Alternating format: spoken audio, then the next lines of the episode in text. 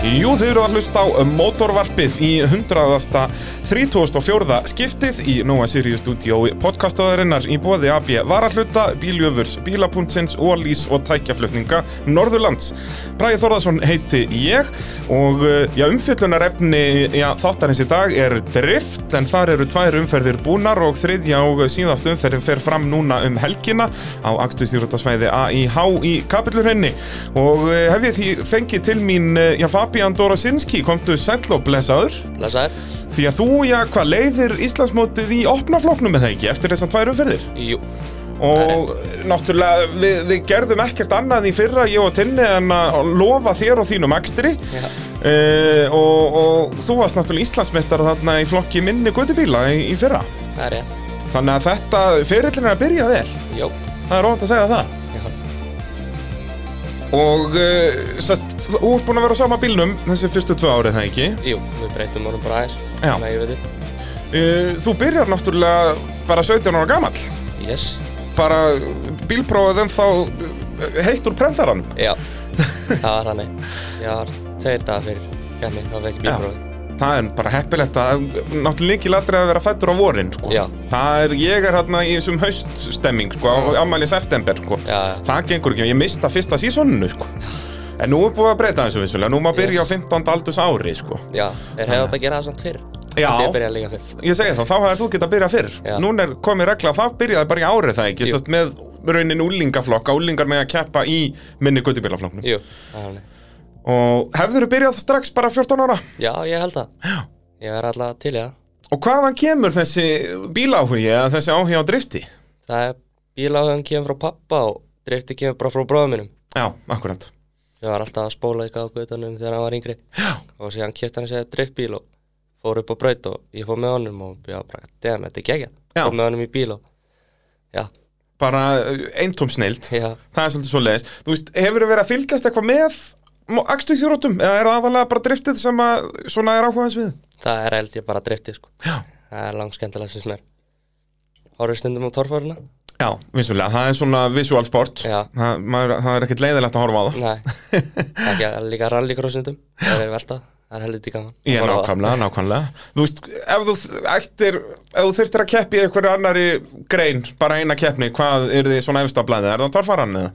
já, ég held að, ég væri til í að prófa sko. Já, það hlýtur að vera styrla sko. já, það er huglega gæði það er bara svoleiðis Þannig að já, þú byrjar 17 ára uh, Náttúrulega Húbert bróðin búinn þá að vera að keppa hann sem var samt, þið byrjaði á svipum tíma að keppa eða ekki? jú, hann kefti einu sinni 2019 og fór hann á bíla það Já, En hann náði ekki að keppa, bílinn hans bara bila og hann kefti held, hann kláraði ekki eins og fórkenni já, akkurat og hann fór bara heim síðan það og síðan kefti hann aftur 2020 held ég á kákobröðinni Mhm. en þá úrbreyta hann mótorinn og hann heldur ekki að kera Já, svo hann geggja byrjaði bara á sama tíma og ég að keppa En hvað, var hann þá búinn að vera að mæta á eitthvað æfingar eða eitthvað svoleiðis, þú veist, hann Já. var aðeins svona orðin pínu heitur Jú, hann var búinn að mæta á ykkur aðeingar fyrir Og hvaða, sem sagt, hvað er hann gammal? Hann er náttúrulega eldri bróðin. Já, hann er uh, 23 ára Já, þannig að það er þannig eitthvað hvað, fimm ára millikar cirka. Já, 6 Og sérst, eru þið þið alist upp á Íslandi eða það ekki alveg? Sérst, uh, Jú, þú, ég, ertu fættur á Íslandi? nei, ég fættur í Pólandi og ég, við fluttum til Íslands þegar ég var ekki orðin tveggjara Já. Ég var að vera tveggjara Og maður heyra það náttúrulega, þú talar alveg reybrennandi íslensku og hérna, út að þú læra að tala hér, Já, já en og kom sérst öll fjölskyldan hinga til Íslands já. og þið eruð hvað, tveir bræðurnir eða fleiri sískinni eða? Uh, Tveir bræður Gengjað og bara bíláhugin alveg númer 1, 2 og 3 bara Jöp Og var þá pappi ykkar að vesenast eitthvað í Pólandi í gamla daga í svona bíladóti eða? Já, hann var alltaf hann, Þegar hann bjóði til sveita var hann alltaf eitthvað að stela bílnum af pappa sínum og laga bíla og hvað hann Kera sveita vegina. Já, Það er náttúrulega bjútið við að ef við erum í sveitinni, sko. Já. Þá getur maður fýblast aðeins meira, sko. já, það er engar löggur þar og Já, já, og náttúrulega í Pólandi er náttúrulega í rauninni meiri bílháhugi heldur Já, en hér, myndur ekki jú, segja það? Jú, mikil, mikil meira Og náttúrulega bara motorsportháhugi, ég minna Já. eins og rallið og rallycrossið og allt, þú veist, þeir, þeir eru með Evrópu, sérst, halda Evrópumót í rallycrossi og, Já. og, þú veist, það er hjút svona tjúnermenning og bara bílamenning hann. Já, það er líka driftmasters þannig að seinasta umferðinu verið núna í Pólandi Nákvæmlega, nákvæmlega Þannig að þetta er, hérna, þú, þú ert alveg með ræturnar að reynu í þessu Já. Það er svolítið svoleiðis uh, Hvenar ert alveg orðin ákveðin á því að bara um leið og yfir 17 ætlaði að keppi drifti? uh, Eh, Sko, ég var bíláinn var ekki það mikill, ég var alltaf á krossar og fjörhjólum með pappa og bróðum minnum og það. En hérna kefti bróðum þessi bíl og ég var að vera að byrja að taka bílprófi og pappi er eitthvað, heyrðu, er ekki að kaupa þennan bíl? Og þetta var eitthvað 39, við varum fáta, beiskýtur og ég var bara eitthvað, fyrir eitthvað, hann bara eitthvað drift, ég er eitthvað, já, já. og síðan kaupa þennan bíl og það er eiginlega ekki hægt að drifta á þessu, þetta er bara þungsnækjað og alltaf. Já, Og pappi kaupir sér 30 fyrir sig, hann ætlar að gera hann. Já. En síðan ákveðu bara að, já, þetta var alveg svona, þetta var bara í vetur 2021 já, já, þegar við keftum um þessa bíla og síðan var bara pappi "Heyrðu, ég er alltaf gaman fyrir þetta við, ég gef þér bara E30 og við sveppum bara mótorunum í E E30 frá E39 já. og En við þetta er byrjum þess að að gera það BMW var fáttamótorið eh, það Já. ekki, þetta er ekki eitthvað svappað í hann. Nei, þetta var, þetta, já, þetta var M62 Já. B44 og við setjum hann í og ég er enda að geta alveg viss út að ég er ekki búin að ná bóklega prófinu og allt það síðan næ ég í og við veitum að það er keppn eftir tvær vikur eða eitthvað og það var ógeðslega langt byggt til að taka verklega og pappi ringir eitthvað í aukennar hann bara eitthvað, heyrðu, er ekki hægt að finna einhver tíma aðeins fyrir og eitthvað og hann var eitthvað, ég reyna að retta því og hann rettaði því og það var bara tveim dögum fyrir kenni og þá var ég bara, ok, ég er að fara að keppa ég var ekki að dissa að ég er að fara að keppa sko. En hvernig, þú veist, varstu búin að skráði í keppnina áður en þú tekur verklega prófið það? Nei, Nei, þú byrjar að taka prófið til að Já. vera alveg viss Já. Það er nefnilega, ég hef heyrt sögur, ég held að eins og hérna Baldur Arnar í rallinu að þá var það, hann bara skráningafrestur rann út, hann þurfti að skrá sig í keppnina án þess að vera með bílpróf, sko, síðan Já. tekur hann bílprófið bara í vikunni, þannig Já. að það er eins gott að hann náði því, sko Já, nákvæmlega En þú veist, var þá ekki ekstra stressaður í, í verklega prófinu? Ég var eitthvað annað stressaður sko. Já, ég þarf að ná þessu sko. Ég held að ég var skiljanlega. meira stressaður fyrir því en bóklega sko. Já, líka tveir dagar í keppni, sko, Já. þú, und að þú veist að þú getur ekki tekið það aftur Nei. fyrir þessa keppni, sko Nei. Og náttúrulega hann í fyrra, hvað, það voru bara fjórar keppnir, þannig Já. að það þetta er agalegt að, að missa út eina Já, Það er bara svoleiðis. Þannig að þetta er í rauninni á að pappi ykkar ákveður að, að svona, við, hann er alltaf gammal fyrir þetta, vill Já. ekkert vera að keppa. Að- Þannig að láta ykkur drengin að sjá um þetta. já, Og þið farið þá báðir beint í sem sagt, þennan minni göttubílaflokk jú uh, og á þá tiltölulega standard bílum eða hvað. Já, það þú veist Bróður minn, hann innflutti bílu sinn frá Pólandi Þá var hann með einhvern hennar 6 silindra gamlan M30 mótor Já, Og það var hann útbrettan 3 svara eða 2 svara hennar mótor já, Svo kipti þér hennar Vaff 8 frá Pólandi Setti hann í og kerði eitthvað fyrir Bara í byrjun sumarsins Og þá var Þá var mótorinn líka úrbrettur eða Hann úrbretti hann líka Hann var Vaff 8 það hann hatar ekkert að að bræður mótorum. Nei, hann er góður í Og þeir gera við mótorinn og Já, setja mótorinn saman og þá keppir hann og Já, mér var þetta bara Rífa allt úr bílnum, setja hann á mótor og Begið kitt og Já, já hann það má kemur. alveg setja beigukett og svoleiðis í, í Já. minni göttubílaflokk. Já, þú bílinn má bara vera Menn sem búr Já, já, það er náttúrulega bara bara betra í raun og Já. sérstaklega ef þú ert með markmið að fara lengra skilur þá er Já. bara fínt að vera búin að búra bílinn Já, en hérna, hva, en reglur í minni guttibólaflokki er bara hestabla þakki eða hvernig er Já, sérst, reglan? það er bara 300 max held Já, ég núna 300 í hjól. hestöfl, akkurat. Já, í hjól og, Já, þá getur nú verið með djöfulli og það eru 350 hestöfl út í sveifarhans Já, þú já, veist, dreifur að sem steilur alveg það mikið Já. þannig að þetta- þú getur alveg verið átælsverið græða þarna já, og við sjáum það svo sem alveg líka í dag að það er, þetta er alveg smá græður þarna, er ekki hann eitt græð BMF sem er alveg, maður heyrir allan á honum að hann er svolítið tjónaður í minningötubílum Já, það er stjúbröðum minn Aron. Akkurat, já, Aron, geggja. já, Hann er, þetta er en að þryggja litra móður sem er með einhverju mappi eða einhverju tölvu sem við kjöftum frá Pólandi já. en hún er helviti pyrrandi þess að alltaf tala sko hún, Já, það er svoleiðis. Hann springur svo mikið Við settum endakúta á núna og það voru allir brjálaður úti hann er að sleppti yngiðinni sko. en þessi bíl alveg virkar vel sko. Já, já, það, hann hérna liggur vel í braut, það Já. er alveg sennilegt og hvað, hann komst í úrslit í síðustu kefni það ekki? Jú, hann komst, jú, hann var í öðru seti Já, akkurat, á eftir honum uh, Axel Axel akkurat, sem er búin að vinna fyrstu tvær kefninar yes. Uh, en ef við förum aftur til sem stafsins í fyrra, þú mætir hann í fyrstu kefnina en það með, með bílprófið bara beint úr prenti Jó, uh, Og já, hvernig gekk svo keppni, svona frá þínum bæjandurum séð? mér bara, ég var ekki viss sko Ég mætti á æfinguna, það var helli dempa sko Það var, það var ekki hægt að standa úti Við mættum bara ég og bróðum minn og vinnur okkar hann á Dominika kompaktinum Og við mættum og ég kerði og strákanir voru eitthvað inn í húsi Jökull og þeir sem voru að fara að vera með kennina Og ég bara kerði og með bara Ég var bara eins og ég var að spila heima á stýrinu sko Já, þetta var bara, bílið var bara svo geggjaði fannst mér, ég var með allt kontróla á honum sko. Ég var ekki trætið við hann bíl og bara fór Og bara- alltaf í botni og Hann, hann lék bara í höndunum að já, bílinn já, Það er bara svo leiðis og, og þú mætti svo í kjarnina jú, ert, með, ert ekki með besta árangur í undankemni ég minni það. minni það og hérna vinnur svo bara alla keppinöndana Jú. og stendur uppi sem sigurvegari Jöp, Það er helvíti magnað nýkomið bílpró já, Hvað er þetta bara í blóðinu eða þú veist, þú Já. lítur að hafa eitthvað eru búin að æfa það á einhverjum bílaplönum og eitthvað svona Já. áður en þú fegst bílprófið já, ég átti Subaru impressu sem við vorum alltaf með upp í skúr bara og það er fyllt að mala við manna um og ég var alltaf að leika mér á honum eitthvað þegar það snjóra hana bara að mala við honum og eitthvað en mest, það hjálpaði mér mest bara að stýri heima sko, ég er búin að spila Já. og stýri heima í alveg nokkur ára Hvað er besti leikurinn til sérst að taka driftið í? Er það Project Cars 2 eða... Æ, Eh, Besti leikurinn, ef þú ert með tölvu það er að best, það er best að kaupa Assetto Corsa Já, og þá getur downloada fullt á mót síðan og bara tekið alvörinu brautir og alvörinu bíla og kanni ég spilaði Assetto og spilaði síðan Carex Drift Racing og það er bara svona bestið leikinir eiginlega já Og þú ert aðalinn í driftinu í, í hérna hermónum, basically já, að fá þetta bara svona car control Já. í þessu Já. og það er náttúrulega eins og þú segir og þú mætir á fyrstu æfinguna búin að vera að fýblast eitthvað og svo bara úr í snjó og eitthvað og að Já. fullu í hermónum já, og þú veist þannig að fólk kannski svona sem situr heima og hefur ekki prófað þetta allt að segja þess að þá er þetta mjög góð þjálfun já upp á að þú veist, þú auðvitað það að spóla í snjóa súparu er sérst ekki kannski beint að fara að hjálpa þér að spóla og býja að vaffa þurrum albyggi með 300 Já. hænstöp Já. en ef þú hefur það pluss hermikappaksturinn Já. þannig að þú getur prófað fullt í hermikappaksturinn og síðan ef þú prófað það á súparunum og fattar heyrðu já þetta er bara eiginlega alveg eins já, að nákvæmlega. þá ertu komið svolítið með touchið fyrir þessu þó á sértarnan nýkomið bílbara Já, nákvæmlega og alveg eins með hennar Aron, stjúbröðum minn Já.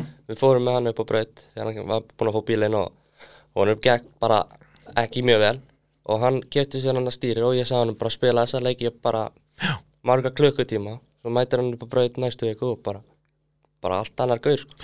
Þetta er náttúrulega eins og segja, þetta er ekkert leikir lengur þetta eru bara Já. akstus hermar í rauninni þú Já. veist, ef þú ert komið með gott force feedback stýri Já, að þá getur leikið þér á stýrinu alveg eins og það myndi gerast í alvörinu, getur Já. sleppt í og það fer tilbaka halva Já. hring og grýpur það aftur og Já. allt þetta skilur já, nákvæmlega þannig að- að eins og segja, um leið og að getur prófað þetta sérst á alvöru bíl Já. þannig heilin á þér fatti, heyrðu já það er, það er ekki alveg svona en er svona skilur Já. að þá er þetta bara drullu góð æfing Já, og já, í þessari fyrstu keppni að þá eins og þú segir, eh, vinnuru færð 115 steg sem er nú bara nálætti að vera hæsta skort sem að Já, er það ekki hæsta skort sem Jú, hægt er að fá? jú, er það ég held ekki? það, jú. Út að þú vinnur undankeppnin og vinnur Já. síðan alla Já. opponentana skiluru. Uh, náttúrulega Húbert bróðir keppir hann líka og þú pakkar honum. já, Hvernig var svona stemmingin í kampinu eftir það? það var bara, hann var bara mjög glaðið með mér sko. En það ekki? Jú, En þú veist, það er ekkert á hverjum degi sem maður mætir, uh, já, nýkomið bílpróf og vinnur eldri bróður sinn sem er búin að keppa eitthvað aðeins uh, Já. áður. já, hann var ekkert sko. sáfum Nei, nei, en það er nokkuð, það er, gengur ekki að vera sárið í þessu Nei, nei, Það er bara svoleiðis uh, Þetta var á AIH-brautinu eða ekki, fyrsta keppnin Jú. Önnur keppnin var það líka eða hvað? Nei, það það voru var bíladagar akkurat- já, það voru bíladagar. Akkurat, akkurat Og þar heldur bara upptöknum hætti áfram og vinnur aftur jöp Nærði ekki að vinna fórkeppnina þar held ég Þú ert Nei, með ég var í 112 öðru, stygg já, þar ég var í öðru og kjartan var í fyrsta þar Akkurat, akkurat Já. Og sérst, hvernig var fílingurinn? Þú veist, vantalega eins minna stress þar gerir þér á fyrir Búin að vinna eina keppni eða hvað? Já, Eða setja var meiri samt- pressa á þig að vera búin að vinna Sko þegar ég sá brautina þá var ég alveg orðin vel stressar og ég var líka ógustlega stressað með hana lungubeðina Já. Ég bara viss að bílinn gæti ekki tekið hann alla Já, og brautin var helviti lung og tæknileg og svo fer ég að kera hana og hún var bara eins og var í blöyt það var svo sleift á henni Já. það var líka bara 2-4 gráður á nóti brautin var Allt helviti ískalt, sko. Já, og það var, þá kom stressi en síðan var, bara, var ekki teka það mikið stress og bara mesta stressi var síðan í final ég, Já. ég var bara, ég ætla að vinna þetta það er náttúrulega, við tinni höfum oft talað um þetta svona sérst, andlegu hliðina í driftinu út af því að þetta er mjög sérst, bara stressandi íþrótt Já. þetta og sérstaklega ja, svo sem er alveg jafn mikið hvort sem þú sért í tandem eða ekki en eins og sérstaklega þú ert bara einn í einu eins og er í minningotibílaflóknum Já, að ef þú ferð á undan þú veist, finnst þér það þægilega að vera búin að fara eða finnst þér betra að sjá hinn á undan þér um, með finnst betra að sjá hinn að vinda mér Já. Já, veit ég að ég get gert betur, eða ég meira, að ég þarf að gera meira Já Já, þá veistu í rauninni hvað þú þarft að gera Já. og náttúrulega líka ef hann gerir mistök að þá veistu, heyrðu, ég þarf ekkert að vera svona álega Já. keilunum og bara passa snú ekki, Já, skiluru já. þannig að það vissulega hjálpar, en þú veist, það væntalega setur sem líka hann er að stressa á þig ef að gæðin og undan Já. þér nær bara tiltöla perfect runni já, þannig að þetta er svona, já tvær hliðar á þessu í rauninni Jöp. að meðan ef þú fer fyrstur þá bara keirir þína ferð já. Maður sér samt oftast ekki hinn kera. Já, í rauninni, það er Maður rétt er- Þú maður ert á ráslínu bara, Já. þú sér svona glitt í hann eitthvað, Já. sér eitthvað dreik en, Já. en þú sérð ekkert endilega hvort hann sé 10 cm eða metr frá keilónum Nei, sko. maður sá það samt á bíladöfum eins og þegar ég var að kemja til kjartani og sá ég bara, ég var bara, ok, hann er að fara að snúa. Já. Það var bara að bjarga bílnum og ég var bara, shit. Það er stressaður. Já Eh, Var meiri press á þér út á vannst fyrstu kefnina eða var, hjálpaði þér það bara egoinu eða? Ég veit það ekki, sko. Þetta ég var ekki það viss. Ég var bara, ég fó bara að keppa hana til gamans. Og síðan eftir fyrstu kefni var ég bara, ok, þá við þurfum að gera eitthvað í þessu. Ég ætla að reysnismestari. Já. Og þá bara kom mikil pressa.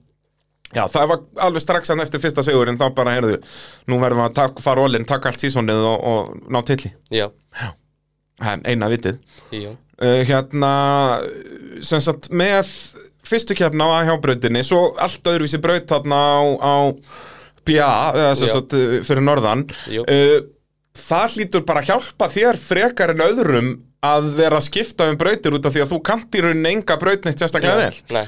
þú veist með að kannski aðrir hafa kert að í hábrautina ring eftir ring eftir ring Já. og mæta síðan fyrir já, norður og, og kunna hana þá ekki jafnvel að þá hlýtur það bara að vera foskott fyrir þig að, að hafa minni reynslu í rauninni já, nálega, og þú nýttið það og, og vannst þarna á, á Akureyri já. svo kemur þriðja keppnin, er það aftur AIH eða KK? Nei, það var káká. það var KK og svo endar þetta á AIH Já.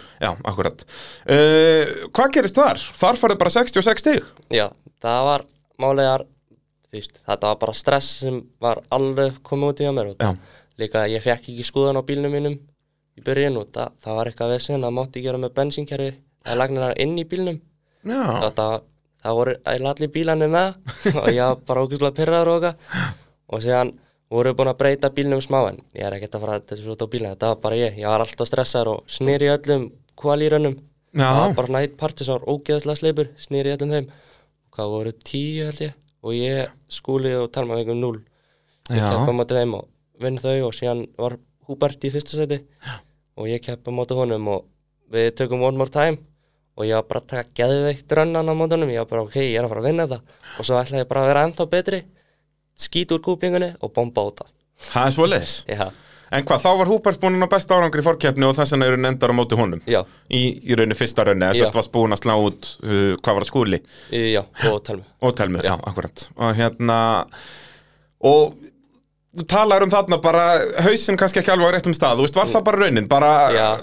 reyði og pyrringur í gangi bara Já, ofan á og stressi stress, já, og náttúrulega eins og þarna, þegar maður stendur sér ítlaði í fórkeppnin, ertu náttúrulega svona Já. búin að skjóta það svolítið í fótinn út að þá Já. byrjaru efst, Já. eða er þetta orðað það þannig þá byrjaru á móti þeim sem stóð sér best já, nákvæmlega þannig að þá ertu í rauninni strax að taka erfiðasta raunnið, ég minna það þetta er öfugt ef þú ert bestur í fórkeppni að þá eru mótherjarnir auðveldir til að byrja með og svo Já. er þetta erfitt í úrslitum Já, já. en þarna, já, var það ekki til hjálpaðir en, en þú veist, þú hlýtur á að hafa lært bara af þessu Já. bara að þetta snýst líka um að hafa hausinn rétt skrúðan á Já, hausinn gerir 99% fyrir mér Já, nákvæmlega. Og eins og ég segi, líka í svona akstuðsýþrótt, þá er það bara, þú veist, ég hendur síðan driftið væri alveg sennilega, já, mjög ofalega á lista yfir þær akstuðsýþróttir þar sem að svona andlega þátturinn spilar mjög stóra rullu, þú veist, í torfærin er það líka svolítið þannig Já, já, og já. þetta er það í öllum íþróttum, akstuðsýþróttum og eða, bara íþróttum almennt Já, en, en í driftinu er þetta alveg svakalega mikið sko, Já. þetta, þetta er bara, þetta er stuttrönn, þú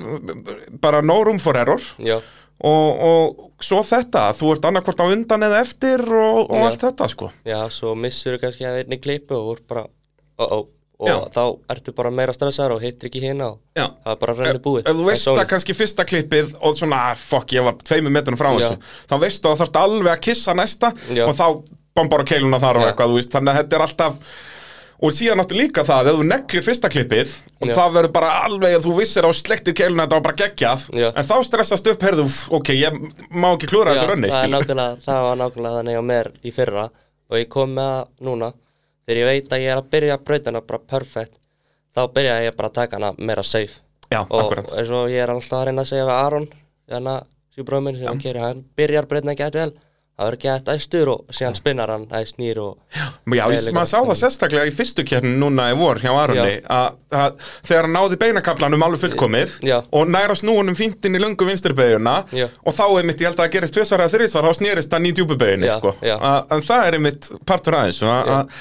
má ekki ofpeppast Nei.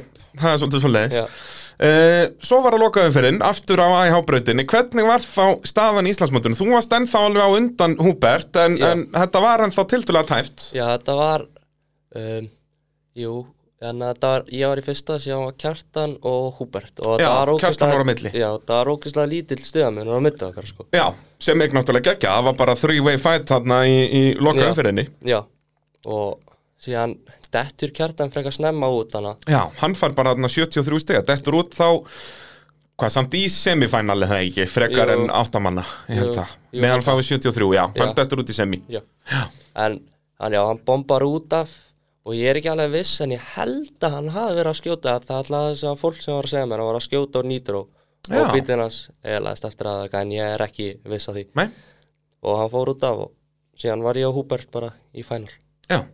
Og það er náttúrulega rosalegt að þið bræðurnir eru þarna í úslitum. Hvernig var, var stigamurinn það lítill á ykkur að þetta var bara winner takes it all? Eða varstu komin með titilinn bara við að komin í úslitinu? Ég held að ég hafa komið með hann út að ég var líka ofar í fórkenninu held ég Já, er það ekki? Þetta var í rauninni, þú þurftir ekki að vinna hann Nei, held ekki En ákvað samt bara að vinna hann Já, Hversu svít var það? Þetta þið höfðu aldrei Þið náttúrulega keftuð þetta og þetta þarna á KK Já. En þið hefðu aldrei verið í úrslutum áður en það. nei, nei, nei Þannig að þarna var Það voru öll augu á ykkur Já, Það er óvænt að segja það Já. Og þið á sambærilegum bílum Hann- Hann er samt með annan, annan mótorið þú Jú, er það hann ekki var með eldri móturinn M60 Já, og ég var með akkurat.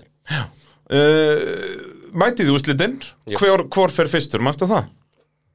um, Ég held að ég hafi farið fyrstur Já, skipti kannski ekki öllu máli Nei, En ég held þú veist, að var það hafi Hafður aldrei verið jafn stressaður að þarna eða var þetta toppurinn Nei, af stressinu? ég Þú var- varst náttúrulega komið titilinn þannig að Já, ég vissi það samt ekkert Nei, Ég var, var mjög stressaður fyrir þess að kenni Já. En þegar hún byrjaði þá bara fór eiginlega allt stressið já, Ég var bara, mér, ég fann að ég var að kera ágætlega Stótt að það var ógæðislega erfið braut Maður þurfti að fara hana inn í pit Já, alveg rétt já Og þetta er, var reikningakeppni það ekki? Það var rigning um um morguninn og Um svo var morguninn, ekki, já. svo var þurft í endan Akkurat, akkurat En ég meina það hlýtur líka að vera djöfulli trikki Að Já. byrja í bleitu út að Já. þetta er náttúrulega alveg svart og hvít Já, Bara getur verið tveimur gýrum herra líku við bara alltaf í bleitunni og svo Já. allt í unum verum malbyggi þurft En náttúrulega Já. samt ekki jafn mikið grip og væri ef það væri sól skilur Já, ef, það- ef já. það er sérst, búið að vera rigning en samt miklu meira grip já og þú veist, tröflaði það þig ekkert að þú veist, hvenar verður keppnin þurr er þetta basically Mm. Þetta var- bara milli fórkeppni og aðalkeppni Já, eða? forkennin var held ég pínu blöyt Já. og síðan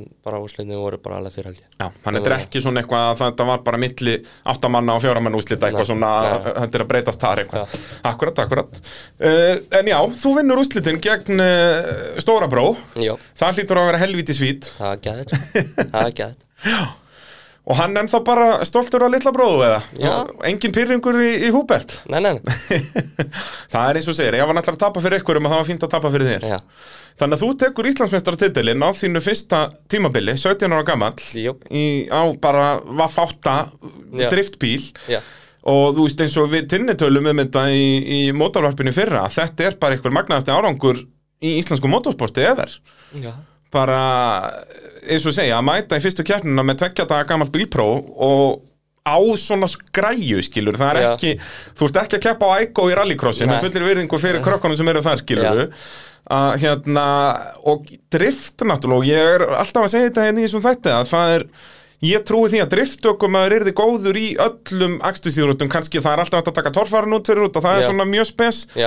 En þú veist, ég held að þú getur hoppað upp í rallybíl og orðið bara tildulega hraður út að, þú veist, driftið er þetta bara pjúra karkontról, þetta snýst um að missa stjórn á bílnum en Já. halda honum í stjórnleysinu, basically. Já, nákvæmlega, nákvæmlega Þannig að, að þetta er alveg magna að geta mætt svona ungur og pakka og það er náttúrulega var svakalega keppni í minni göttibílaflokk á þessu tímabili. Já, það Þetta voru, voru- voru... helviti góður aukum með þar sko Já, góðir og náttúrulega bara margir Ég meina Já. að meðaltali keppni voru alltaf einhverjar rúmlega átta bílar Þú veist Já. að það var alltaf áttamann úr Já, stíl það skilur var en Það var aldrei byrjað í semifænal Nei.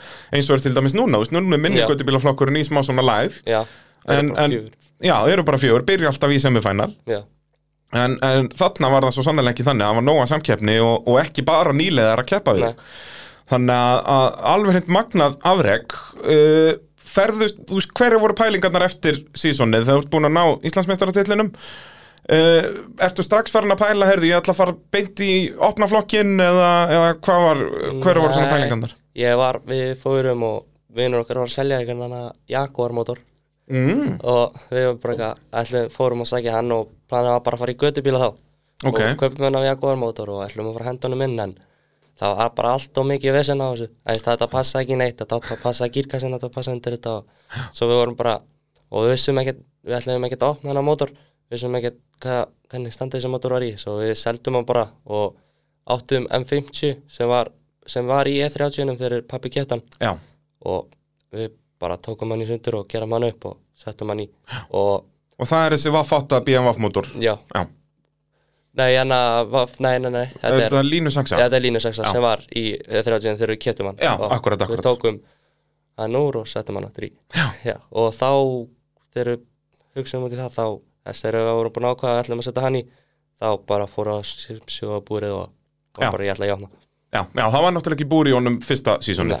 En skellir velti búri í hann og, og beinti í opna Af hverju beinti í opna? Af hverju ekki byrja í, í göttubíla?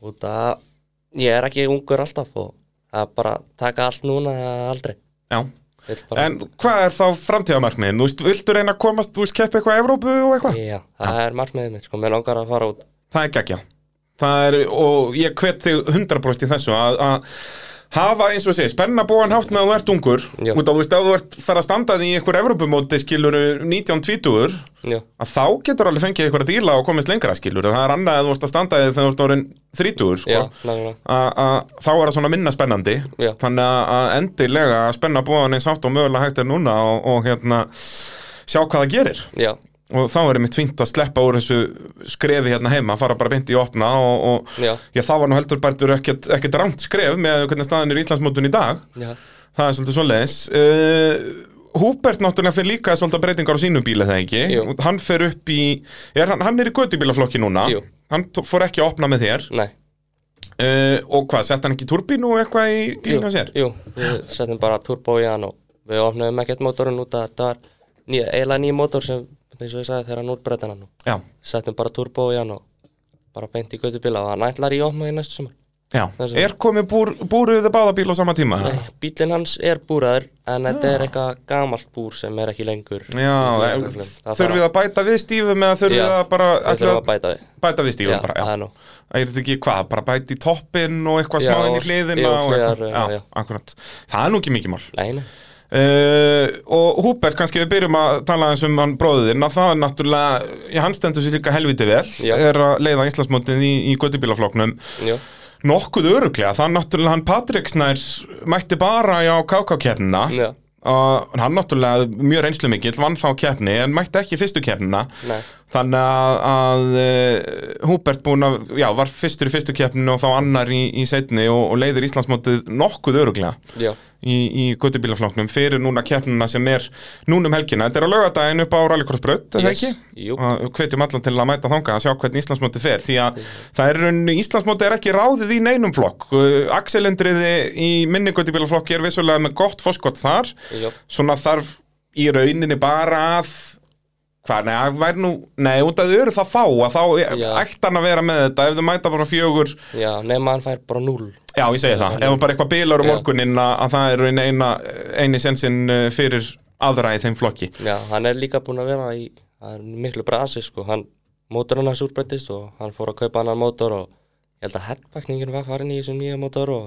Já, svoleiðis, hjá Hann er í- Axel eða? Já, Já, ok hann var En- heldur ekki komið með mótor hann var búinn að skráða sig í kemni held ég hann var ekki búinn Já, að kaupa mótor ok. og skráða sig í kemni Já, það, hann verður að mæta, það er bara hann, ég svoleiðis held að hann gerir það Annars er það náttúrulega Aron Ingi Já. hérna sem við erum búin að tala um að hann er hann í öðru seti Jú, og, og er tilbúin að taka öll stíin ef að eitthvað gerist hjá Axel já, Það er bara svoleiðis En í opna flokknum að þá eru, já eins og í öðrum flokkum, tvær keppnir búnar uh, Fyrsta keppn var núna í mæ upp á AIH Braut já, og þú mættir þarna á, á uh, breyttum bíl, komið veltibúr og allt að gerast já uh, Náður eitthvað að prófa bílina viti fyrir tímabilið? Já, ég mætti á eina æfingu held ég Já. eina æfingu, jú ef þú veist, reynir að mæta á allar æfingar eins og mögulega hægt er Nei, ekki núna út af við erum að keira á enna, etanóli og þetta var bara svo dýrt og við erum Já. sparað bílana smá Já.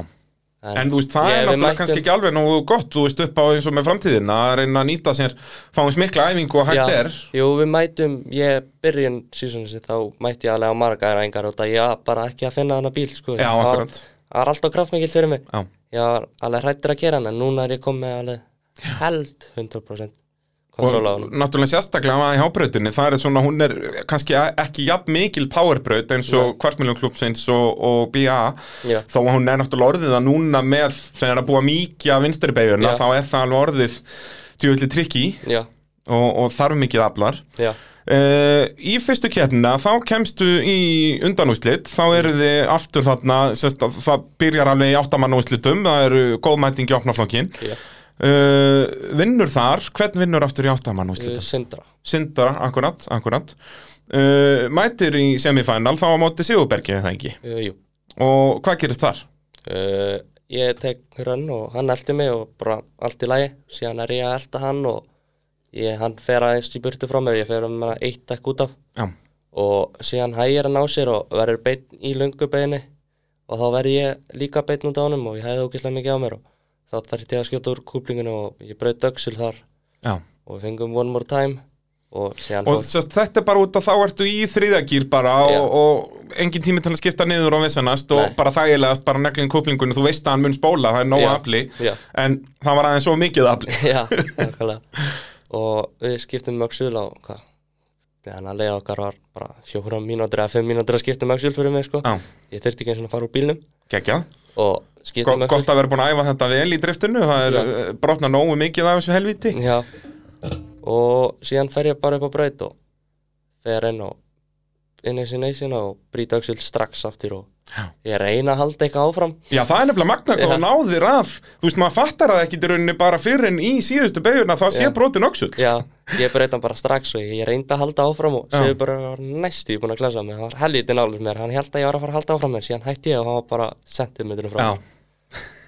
Hann er náttúrulega Sigurbergur er helviti litrikur keppandi sko. Já. Hann er alveg svolítið í kondónum og, og, Já. og aðeins að nutta þarna bíla og svona sko. Já, og kissa dekk veist. Og kissa dekk, sko, elskar góða kosa við dekkin Já. eins og hann síndi í þessari fyrstu keppni þarna Já, Sá aðeins á afturbrettinu og kressitunni maður Það er, hún er samt eins og ný já, Uh, ef við tölum það eins um sérst, út að þú ferði strax í opnaflokkin að þá er það náttúrulega tandemdrift þá Já. eru þið tveir í einu uh, þú veist, náður eitthvað að æfa því því á æfingum fyrir, þú veist, voru þið Húbert eitthvað að æfa ykkur í þessu eða eitthvað svoleiðis nei, ég, ég æði mig Jú, ég mætti held ég alveg á tvær æfingar fyrir kjanni Ég æði mig með Sindra og svo mætti, hvað er hann Arnagauti á Súbrúnum æfingu líka Já, og ég æði með eitthvað smá með honum en það var bara mest með Sindra Já. maður var líka bara langt skemmtirast að kera með Sindra og Já. flestir segja mér þess að Já. það er langt þægilegast alltaf Sindra Já, hann er svona konsistant skilur, hann Já. heldur hraðanum mjög vel í gegnum og breytina keri góða línu og Akkurat, akkurat og, og það er náttúrulega munur og þú, veist, þú hlýtur að komast að þessu líka bara því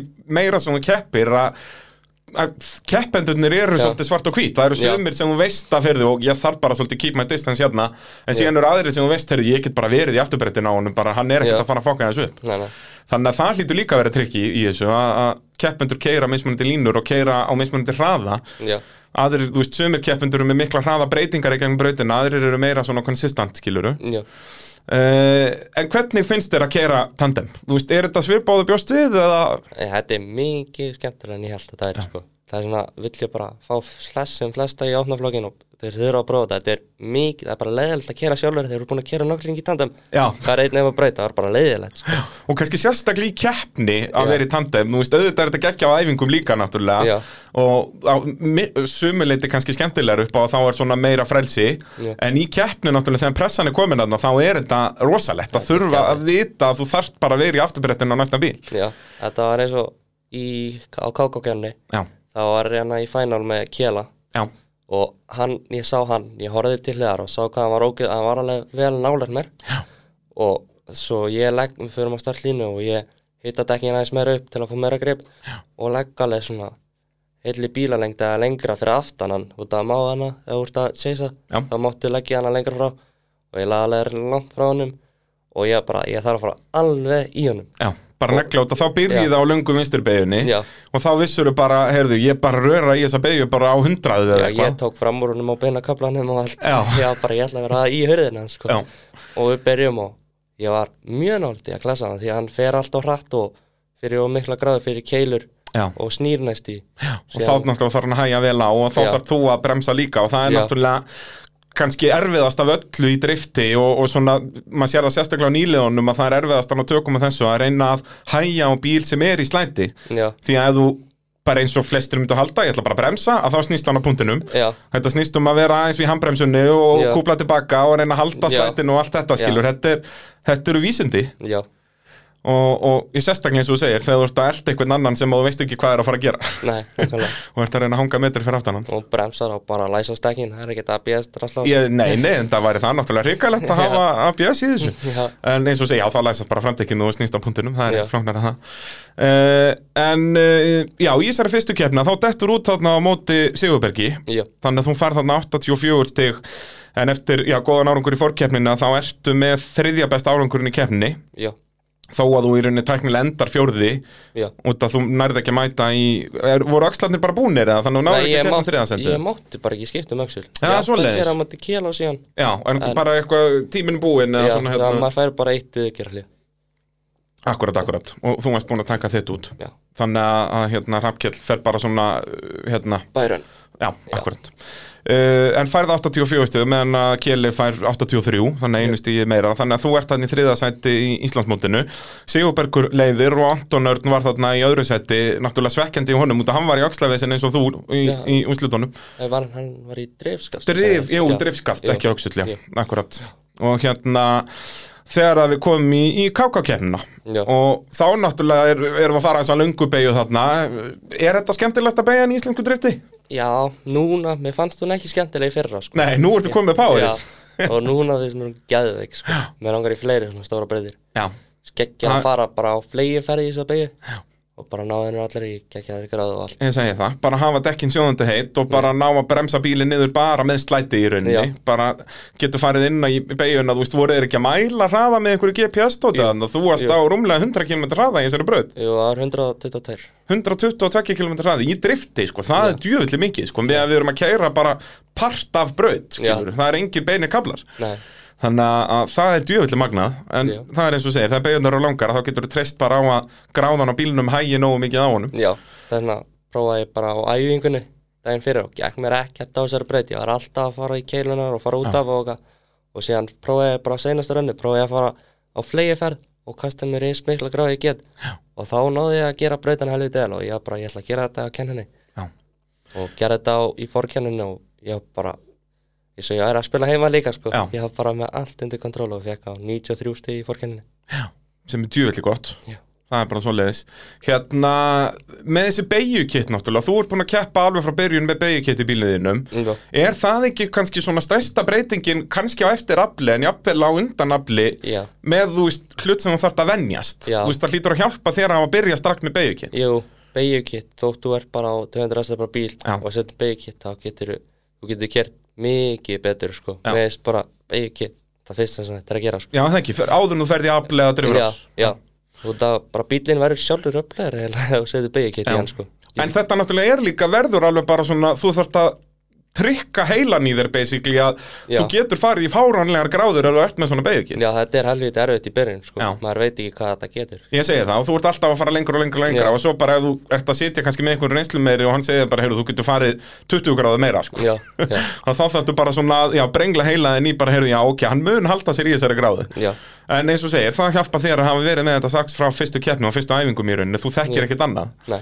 A, a, og það hjálpa þér náttúrulega í þessum löngu beigjum að þá getur farið á bara fáralegum hraðaðna og farið í fáralega gráður. já, Uh, stendur mjög vel í fórkeppninni á kakabröðinni þannig að þú byrjar með í rauninni þann sem að stendur sér vest þar já, ég kert, við vorum sjö á KK og ég keri Já, þú bæjun byrjar já á staðfestingaferð bara, hérna, fer, er, ert bara einn út á og náðir besta Já, árangurinn þannig að já. þá ferðu í rauninni, ferðu frípass bara inn í semifænal Já, og hverju mætur þar? uh, já, ég keri bæjun og síðan kepp ég aftur á mótið sindra Já, akkurat, eins og í fyrstu kemni Já, uh, nema nú var það í semi, var það ekki Já. á- áttamanna í, í fyrstu kemni Jú. uh, og vinnur hann já, Uh, Uh, Svona, myndur þú segja nokkuð öruglega? Svona ég... Já, út að hann kerði, já, ég var, hann var alltaf með fyrst Já, og hann kerði bara beint í allir báður rönnanum. Já, er Jú, það ekki? ég stakk hann alveg í endan út að hann kerði beint í endan. Já, hann náði ekki að koma um upp í slætirunni. Já, og síðan var ég að elda hann Já. og hann fer alltaf hratt held ég í beina fyrir keilur og hægir ógislega mikið á sér og verður beinn og síðan heldur hann áfram Já. og hann, ég held að hann fekk 0 fyrir bæði rennin Akkurat, akkurat. Hvernig er þetta, sest, það er aðalega að vera að dæma þann sem er fyrir aftan, en sá sem er fyrir framann, það er líka alveg verið að dæma hann eða Já, ekki? jú. En, en, sem sagt, þú veist, myndur ekki segja að rönni þegar þú ert fyrir aftan skipti meira máli, eða er þetta alveg, ja, krúsjál, eða? Sko það fer eftir út að þeir þurfa líka að dæma lítirinn mjög vel út að ef lítirinn bremsar og mikið niður og kannski verði ég beinn út af því Já, þá er það ég að fá honum stig. að kenna Já, í þá er það rauninni, ekki honum að þér, kenna, já. akkurat, akkurat. Það er rauninni lítarinn sér um að halda peysi, að, Já. að hérna, halda tempói. Já, og sem sagt, já, við förum, við erum nú búin að bláður um drift í 40 mínútur en það er fínt að fara þá núna yfir basic reglurnar Já. að þá er þetta í rauninni stig fyrir hraða, stíl og gráðu eða hvað já, já. og stílin er svona, þá er verið að tala um hversu nálagt þú ert Og keilunum línan, og, já, já, og og línan og, og tengingarnar í rauninni já. og hitt svona segir sér nokkurn veginn sjálft bara hraði og gráða já, Uh, hérna eh, vinnur Sindra þarna í semifinal og mætir þá Kela í úrslitum Uh, Er það ekki? Jú, er það ekki? eins og við vorum að tala um áðan og, Já. og það var alveg mun tæpara, Já. Keli stóð sér mjög vel Já, það kerði það lítið vel hana og var alltaf með alveg vel. Ég var sko, ég hefði, ég ætla að ég setti breiðustu dekkin sem ég var með, held ég, jú, sem voru eftir á mér.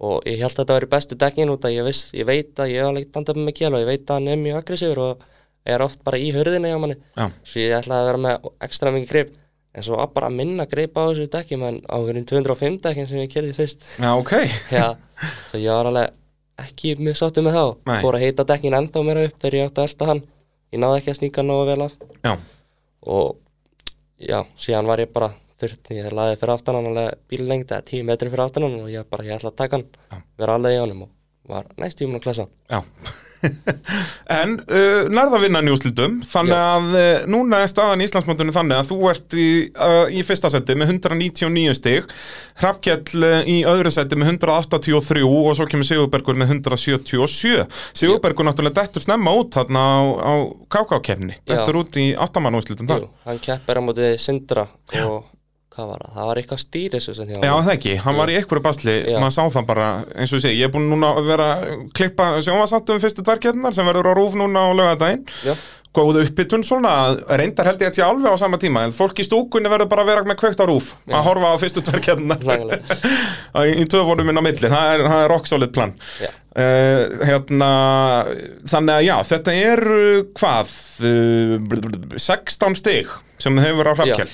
já, Þannig að hvað, ef þú vinnur forkeppnina þá ættur að hafa efna því ef þú lendir í úslitum á mótónum að tapa fyrir honum í úslitum.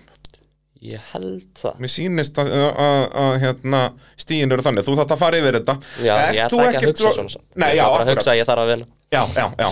Þú ert ekki típan sem ert að að velta þér upp úr einhvernum stigum, þú bara svona keirir þína keppni. Já, já Og er það ekki líka bara sniðugt? Það Já, er ekkert, langbest, sko.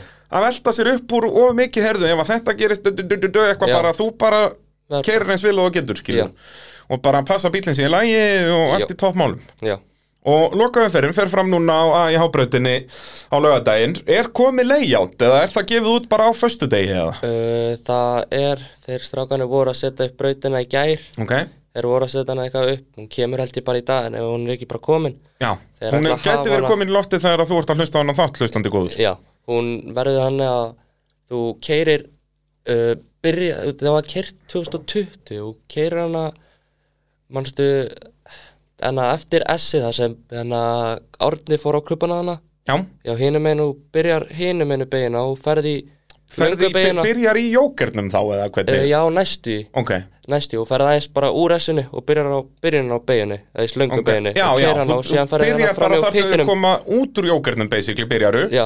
byrjar á löngu vinsturbeginni, já, og ferð inn í pitt eða hvað, inn í pitt, já, Já. og tekur ekki tekur beina fram hjá ekki pittinu. hérna hægri, heldur hægri vinstri inn í Já, pitt, já. svo smá hægri út úr pitt já, og langa kaflan og löngu nýju beginna Já, og vera endarliðið þá bara eftir löngu vinstri beiguna, nýju Já, beiguna, akkurat, akkurat Það er geggjað layout, Já. og þá ertu með í rauninni tvær hraðarbeigur Já. og svo tæknið stöffið inn í pitt já, sko.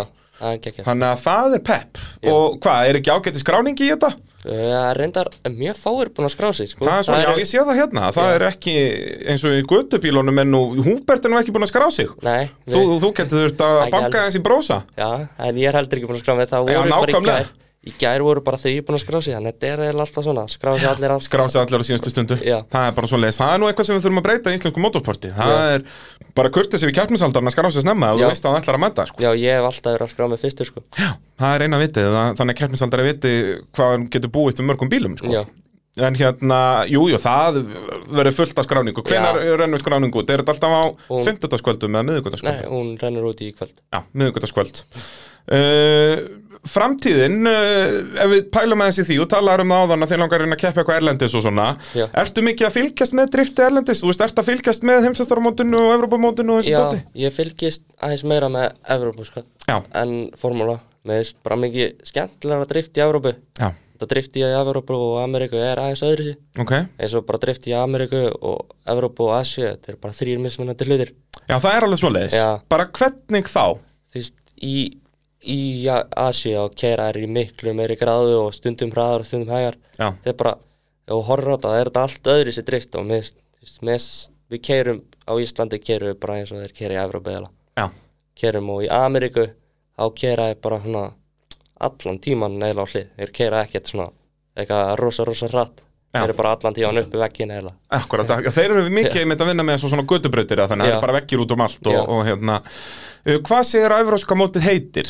uh, driftmaster, Drift Masters Já. Og er það, hvað er þetta margar umferðir í Evrópamóti? sex Sex Og- umferðir, út um alla Evrópu já, Endar í Pólandi núna, hvenær er síðasta keppnin? uh, s- 20, nei er, hún- jú, hún er í byrjun september held ég, 7. Byrjun september, Já, eitthvað svo einhvern leiðis tímann- og þetta er á fótbolta allir Já, geggja, Þetta er- bara svona stadium Já. sem er búið að setja hérna uh, bara Malbygg á, Já, basically já. eins og það, þeir hafa nú oft gert þetta í svona Race of Champions og svona dót Já. einhverju það er geggja, Já, ekki að eitthvað að fara og er þetta í Varsjá eða er þetta bara á þjóðarleikvanginum eða? Ég man ekki hvað þetta var, þetta er ekki í Varsjá Nei, ok, Þetta er eitthvað starf annars þar og hérna er þetta ekki sínt yfirleitt á YouTube eða eru þeir með sjómasamning núna? uh, Þeir eru, þetta er á Forkenninu alltaf á samfélagsmiðlum Alltaf á Já. Facebooka og svo er þetta bara á Red Bull TV Akkurat, já, já, þetta er þar Já, Já, akkurat, mér myndi það var eitthvað tíma nú var ég að fylgjast með held í ameríska það var alltaf bara á YouTube já, það er já, mismöndi hvernig já þetta og það er líka á alltaf á Facebook og er. já, og þá er það kannski fórkeppnin og svona Já. að vera að peppa fólki þar en svo Já. er þetta Red Bull TV til að fylgjast með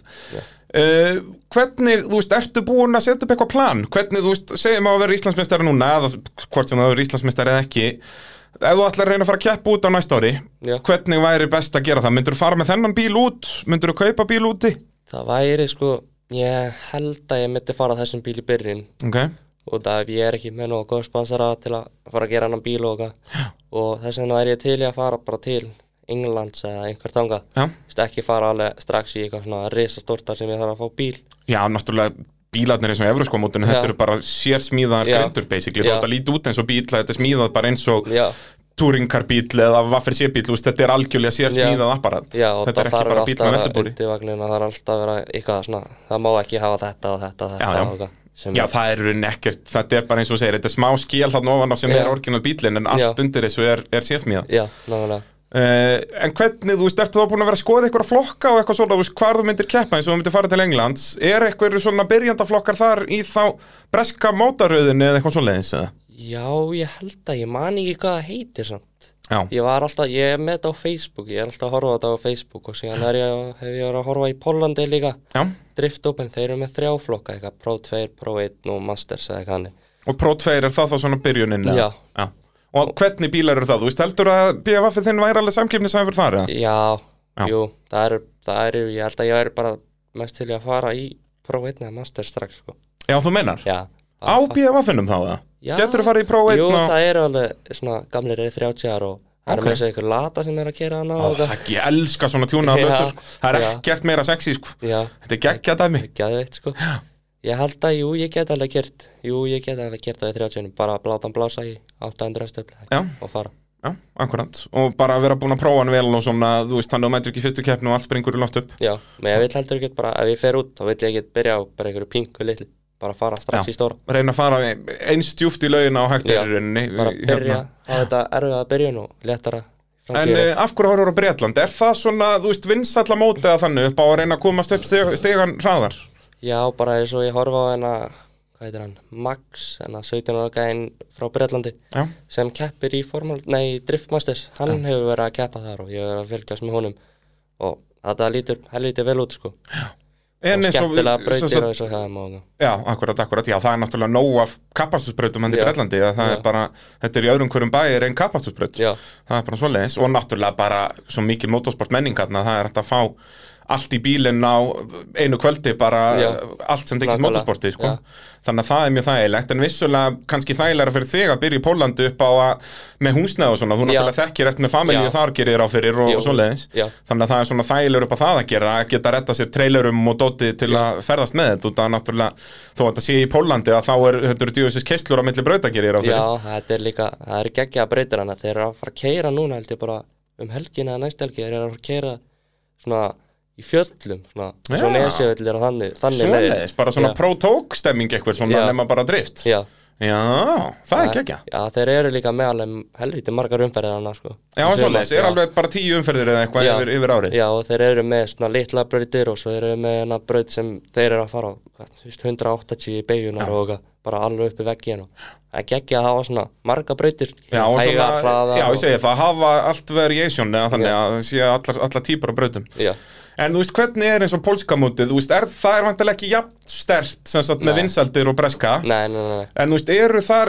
gæjarnir sem komnir í mastersflokkin þar, eða sem staðan Já. próflokkin, Já, eru það- þeir alveg líka að keppa í, í driftmasters? Já, já, það var eins og það var umferð um daginn Já, fyrir á driftofinu og það var hvað, hann, Jakob, hann er að kera í driftmaster og hann komst í topp 8 eða topp 4 í driftmaster sem helgina Ok. Eh, seinustu helgi, uh, jú, það var þannig að uh, driftmaster senast helgi og ég sá hann keppi líka alveg í driftopen og það er alveg helviti góður gugumann hann sem kera líka já. og þeir eru komnir þú veist, í eins og Pjotr Vensek sem er hérna eitt best í heiminum hann byrjaði í driftmaster, nei hann að driftopen og er komin hangað Já, Þú- þú þannig byrjar, að sko. eins og ég segi, hvað, ætlar að skoða þetta í vetur með hvort þú ferð, en það er svona aðalega þetta, annarkvort Póland eða Bretland. Já, ég held að En eins og ég segi, ef að pólska mótið er stert, þá þá er það náttúrulega ætti Já. að vera þægilega fyrir þig. Já, ég held að ég, það er líka Það er hægt að finna góða sko. sponsa hann Já, þetta er náttúrulega, það eru risa markaðir þarna og, Já. og bæði stór oljufyrirtæki og, Já. og allt þetta dót að Já.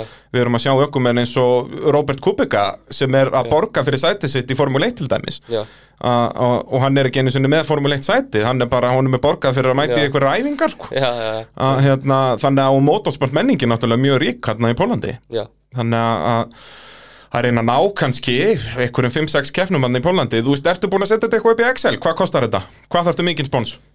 mikið En ég veit En þú veist, það er, er þetta, ekki er þetta, þú veist, 5-10 miljónir, er þetta 2-3 miljónir? Þetta er, það er ekki, nefnilega það er ekki það dýrt að fara með bíl, sjálfan bílinn út Nei. Það tekur bara, en að smyrlan heita þeirra eitthvað Já, hérna, það- já. norrænu. Já, fer bara með þeim, þá er það ekki drosalega dýrt sko En þú myndir væntanlega að fara með hann út og bara geima hann útið og verður ekki að fara með hann fram og jú, tilbaka. Já, ef ég myndi fara út þá myndi ég bara geima hann úti og annarkvort bara eiga einhverja, eins og við eigum einhvern kombat sem við erum búin að vera að leika okkur eitthvað smá Já. bara hafa það sem æfinga bílinn á Íslandi og hafa bara bílinn úti Akkurat, og þú myndir fljúa út á keppnir en væri búsettur á Íslandi. Já, Þú veist, ertu með einhverjar frændur og frængur þarna sem getur verið að Já, geima bílinn já. og svoleiðis? jú, jú, jú Og- ég, get, ég geti bara geimt hann upp í sveit Já, nákvæmlega. Já, þú veist, og ná- það náttúrulega gerir þetta mun þægilega og svo bara redda sér einhverjum trailer Já. og, og rauninu fljúa út bara á miðvikudegi, fimmtudegi og fara með bílinn, keira hann og keppnistað, Já. keppa keppni, keira hann Já, tilbaka bara hafa- og fljúa heim, skilur Sko, Já, hafa bara tvo bíla þarna, flutningabíl og driftbílinn og Þannig að þetta í rauninni, þetta þarf ekkert að vera svo svakalega dýrt Þetta er Nei. aðalega bara ferðarkostnaður í rauninni Já, já, og svo bara að redda þar maður líka einhverja sponsora fyrir dekk og já, bensín já, og- já, og þú veist, það- og keppnisgjöld og Já. allt þetta skilur að, að þetta tekar allt inn já, og í talinu ekki um að þú ert að byrja að keppi í þessum stærri flokkum að það eru vantarlega herri keppnisgjöld og allt já, svoleiðis Já, En hérna, þetta er leikandi geralegt já, og í talinu ekki um að, að, að þú nær nú Íslandsmeistaratitlan núna með tvo Íslandsmeistaratitla á tveimur árum já 18 ára gamall að að- já, ég bara hvet Íslands fyrirtæki til að að hafa samband við þig og skoða þetta með þér því að eins og ég segi, bara Þetta eru nokkrir 500.000 kallar og þá er þetta komið já, nákvæmlega og líka, ég veit að Jökull sagði þetta með að Akis er með eitt sæti af, hana, fyrir Íslandsmistara í opnaflokki Já. til að fara í formúladrift hann að pró 2 eða eitthvað pró 1 Já, og maður ég get nýtt með það ef ég verði Íslandsmeistari já.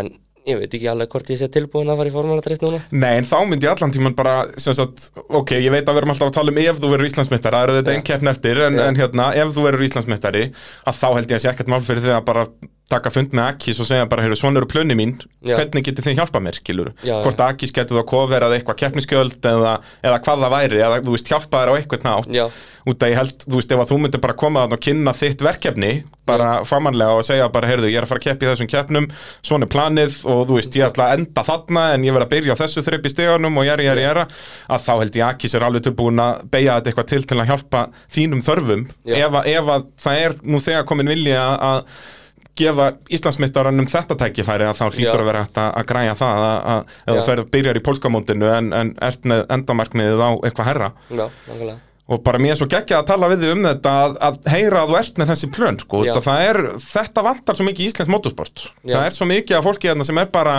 í þessu til að hafa gaman og eitthvað Já. en, en þú veist, það er ekki svo margir sem er í þessu Nei. til þess að í þeim tilgangi að verða afreks menn já, og, og þess vegna finnst mér geggja eins og þú segir og byrjar svona ungur, sindur gömma hann að vera ekki að byrja að 14 ára, þá Já. verður þess ennþá betri í dag já, en, en það, er, það er svona en, en ert búin að ná svona góðum tökum á þessu og, og ég bara get ekki með eftir að fylgjast með þér núna lögadaginn og, og svo kannski sérstaklega í framtíðinni já, en hérna bara geggja að fá því í spjall já, hægri og, og vonandi að einhver, einhver stórfyrirtæki er að hlusta á okkur hérna og, og hafi sambandi Fabian í, í, í eh, vetur og, og Fabian mun kynna sín plön eh, um, um framtíðina Er það ekki svolítið svoleiðis? jam, Heyrðu, annars bara já.